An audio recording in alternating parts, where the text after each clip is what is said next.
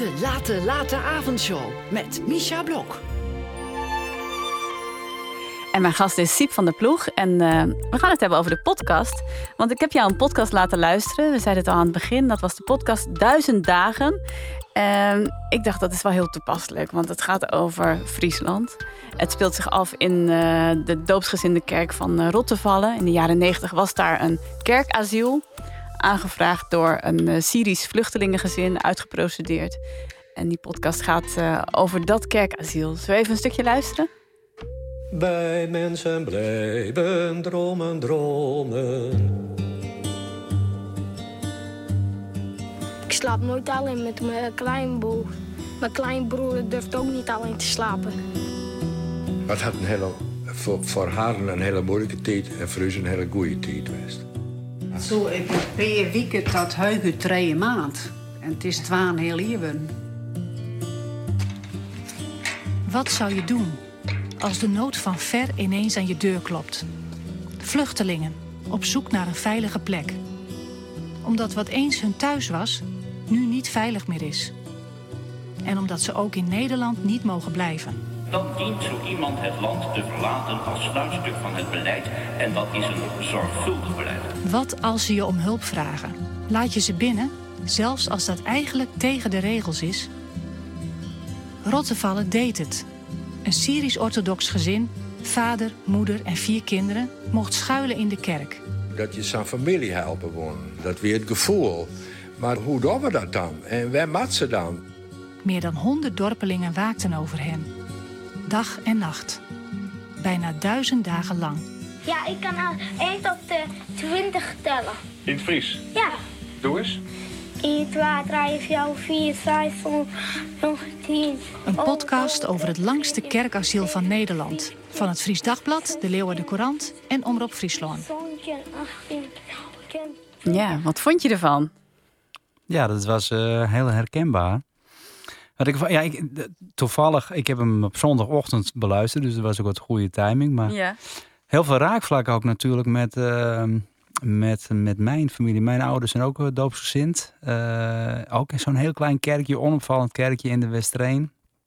Mensen die zijn enorm met de gemeenschap bezig, kijken niet naar andere geloven, vinden alles prima, zijn heel vrij daarin. En dat zie je ook in dit kerkje gebeuren. En het Friese gevoel waar we het zo net over hadden, van het uh, saamhorigheid, dat zit hier ook heel erg onder. Uh, de man die het geluids, de geluidsbewerking, nabewerking heeft gedaan, Lins Valk, ken ik ook persoonlijk. Dus oh. het is ook weer een jongen die, die ik heel goed vind. Met, uh, ook met dingen die hij voor Omroep Friesland doet. Karen Bies ken ik. Dus ik ken die mensen ook gewoon die erachter zitten. Dus dat was, was gewoon heel erg dichtbij.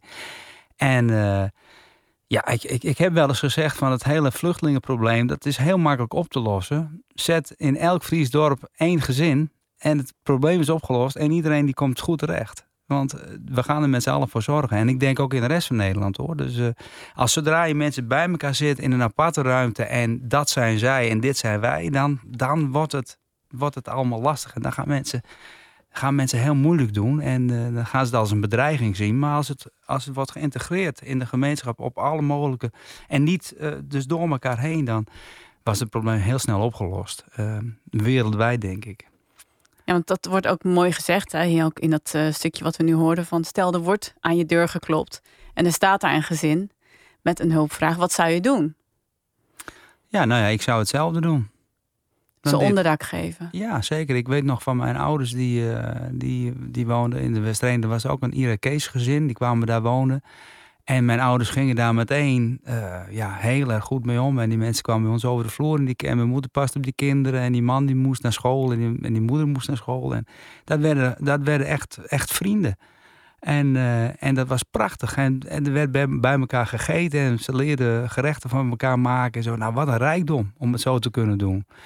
Nou, dat, dat, dit verhaal ook. Prachtig mooi verhaal. Ik heb maar een, alleen het eerste deel uh, gehoord. Dus ik weet niet hoe het, hoe het verder gaat. Dat ga ik nog wel doen. Maar een, ja, echt een typisch voorbeeld van hoe het ook kan.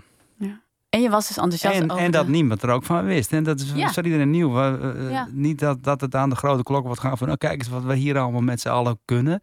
Nee. Nee, gewoon in stilte voor elkaar zorgen. En als ik jou zo hoor praten, dan denk ik... Volgens mij vind je de wereld nu veel te hard. Nou, dat lijkt wel zo. Maar het is, ik merk ook, ik voel ook dat er heel veel liefde en warmte in mensen zit. En als je dan persoonlijk met de mensen praat, valt het allemaal wel mee. Maar er wordt geschreeuwd naar elkaar om een soort van aandacht te krijgen en om stemmen te winnen. Maar het overgrote deel van de mensheid is niet zo. En, maar toch, de grootste schreeuwers, die krijgen het meeste, meeste ja, uh, zendtijd, om het zo maar te zeggen.